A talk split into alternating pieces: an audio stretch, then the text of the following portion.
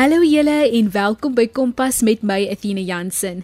Vanaand gesels ons oor 'n interessante beroep wat jou toelaat om verskillende lande te besoek of provinsies te sien. Dit is die werk van 'n lugwaardin. Het jy al hierdie loopbaanrigting oorweeg of selfs gewonder wat dit behels en hoe om aansoek te doen?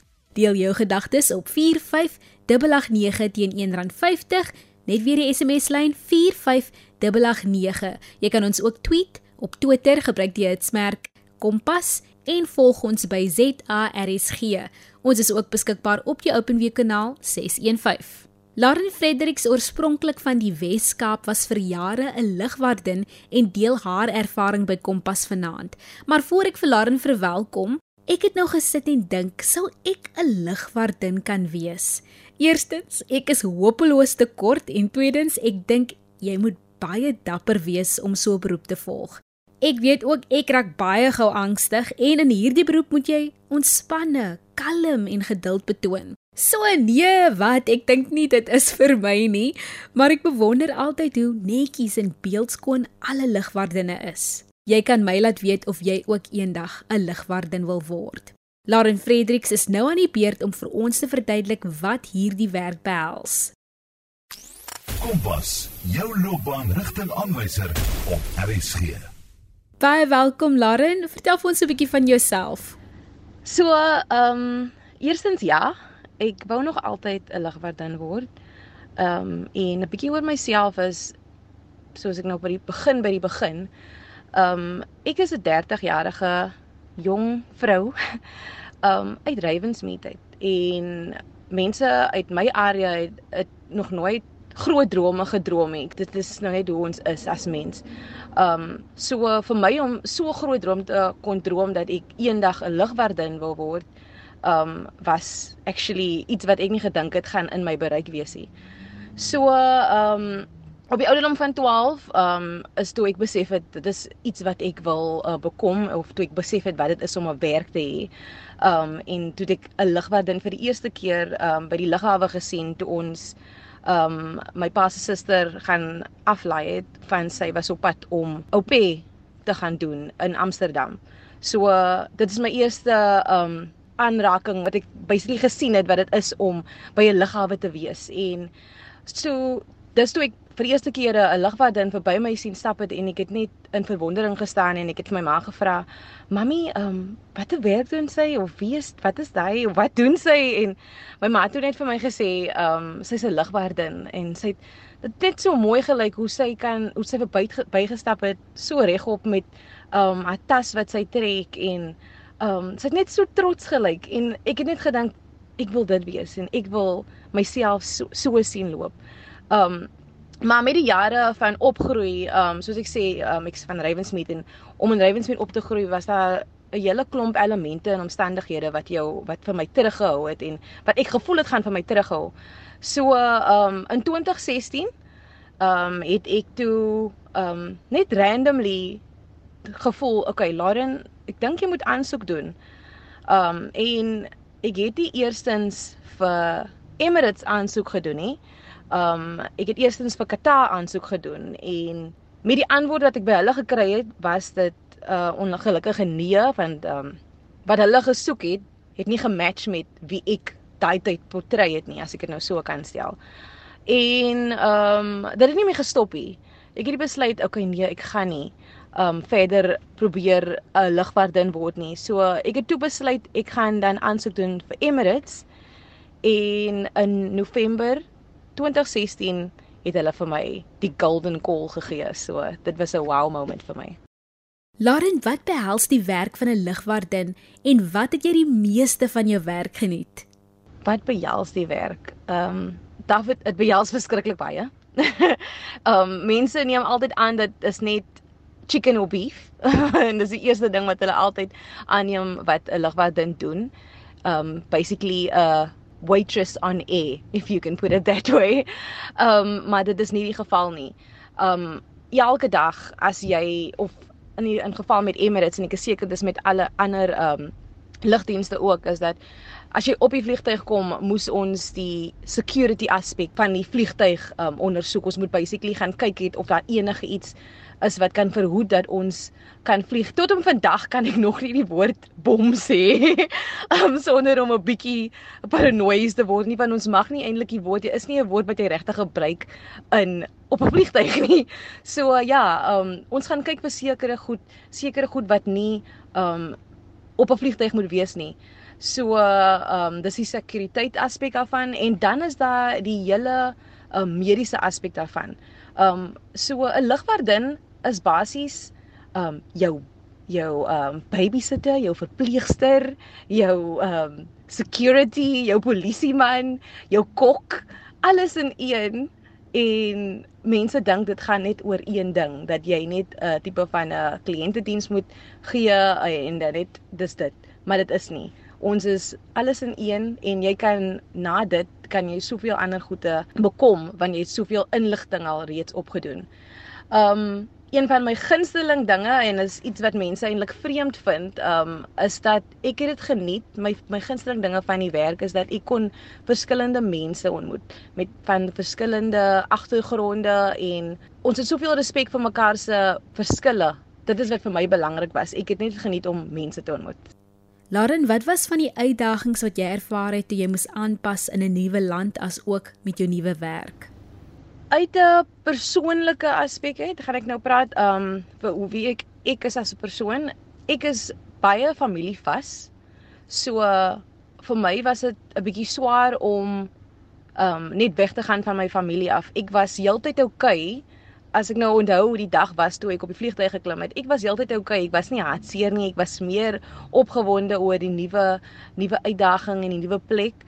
Maar toe ek in my woonstel stap het ek net gehuil want ek het besef dat ek is nie meer om my mense nie nie meer om my vriende nie nie meer om my familie nie so dit was vir my die grootste um aanpassing um of uitdaging en dan uit 'n werk um aspek af of uit um was dit die feit dat um ek kan nie swem nie so um ek was 'n bietjie bang van dit was deel van ons um die pros, die die die lesse wat ons gekry het. So ons elke dag het ons verskillende lesse gekry en een van die lesse was um wat ons moet doen in die geval van ditching. So ditching is wanneer jy uit die vliegtuig uit moet spring in die water.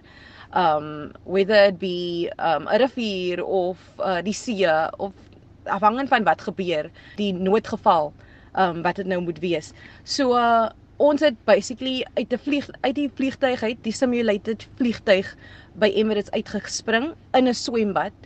En ek het geweet ek kon nie swem nie, maar gelukkig gee hulle vir jou um die life jacket. So dit was. Okay. Um so uh, dit is een ding wat ek vir mense sal sê, moenie terug staan net omdat jy nie kan swem nie. Jy is ingeskakel by Kompas met my Athena Jansen. Ons gesels met Lauren Fredericks oor die beroep as 'n lugwagdin. Lauren, kan jy vir ons so 'n idee gee wat is die uitdagings wat 'n lugwagdin self kan ervaar? Van die uitdagings wat jy as lugwagdin kan ervaar is um die feit dat jy in die middel van die nag moet opstaan vir 'n vlug en soms nie eers geslaap het of behoorlike slaap ingekry het nie. So jou slaappatrone is heeltemal omvergegooi want soos byvoorbeeld ek onthou die kere um wanneer ek uit Dubai het moes vlieg in die middel van die oggend wat nou miskien nou 2 uur of 4 uur is en dan sal ek in Australië land en dan is dit nog steeds slaaptyd en dan is my brein so wakker dat ek actually moet wakker bly maar ehm um, ek moet gaan slaap. So dan sien jy heeltemal omver gegooi so dis die bad ding daarvan. Ehm um, dis die een ding. En dan ander goed wat ek ook ervaar het is dat Ehm um, daar is daai kere wanneer jy net voel jy is nou net emosioneel uitgeput want jy's dalk net te ver van jou mense af vir te lank en jy wil net 'n bietjie om met het, om hulle wees en ehm um, so dit is een van die ander dinge wat vir my ook uitgeput het. Ehm um, ja. En dan voor ons 'n breek neem, watter lande het jy besoek en watter land was jou gunsteling en hoekom? So hierdie een het ek ek het nog altyd net 'n top 5 gehad. Dit dit het oor die oor die tyd wat ek gevlieg het, oor die 4 jaar wat ek gevlieg het, het dit altyd dit het vermeer vermeerder. Ehm um, so ek het eerstens net 'n top 3 gehad en toe word dit 'n top 5. Ehm um, vir my, ek wou nog altyd Italië gesien het. So ek het al al die Italiaanse um destinations gesien wat Emirates na toe vlieg en so vir my was dit eerstens Venice. Dit was 'n moed en dit was amazing. Gelukkig het ek dit gesien in winter en in somer en dit is net iets om te beleef. Die enigste ding wat ek op die hartseer gevind het omtrent dit is om elke hoek en draai is daar 'n paartjie wat soen. so is net 'n baie romantiese stad. En dan ehm um, my gunsteling plek, ek het nou heeltemal af van my top 5 af gegaan, maar my gunsteling plek is Ierland. Ehm um, want daar was net 'n gevoel van van tuiswees en ek kon nou 'n uh, 'n geval ehm um, waar ek ek was in 'n rugbywinkel en ek het net gekyk na alles wat in die in die winkel was en ek was so verbaas om soveel ehm um, Suid-Afrikaanse goed ook in hierdie winkel te sien.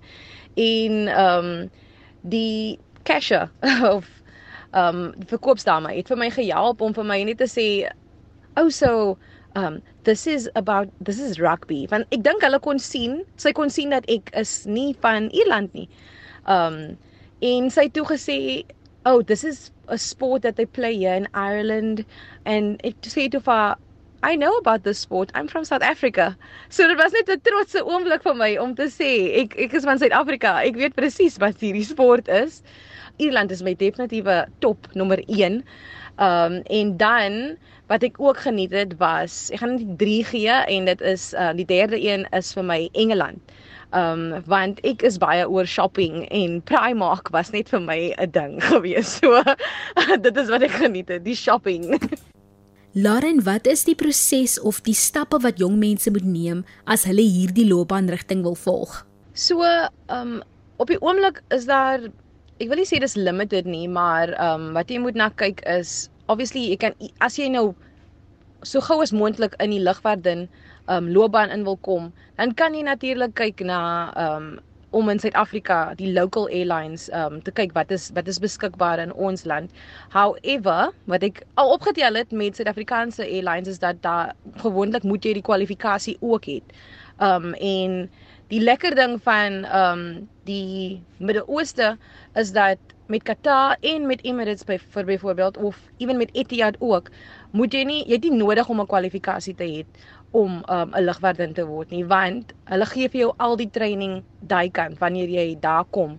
So uh, die belangrikste wat hulle voorsoek gewoonlik is jou persoonlikheid, hoe jy is as mens om ander mense en hoe jy um interact met ander mense en ek sal sê hoe jy net wees as mens en jy moet 'n hart vir mense hê.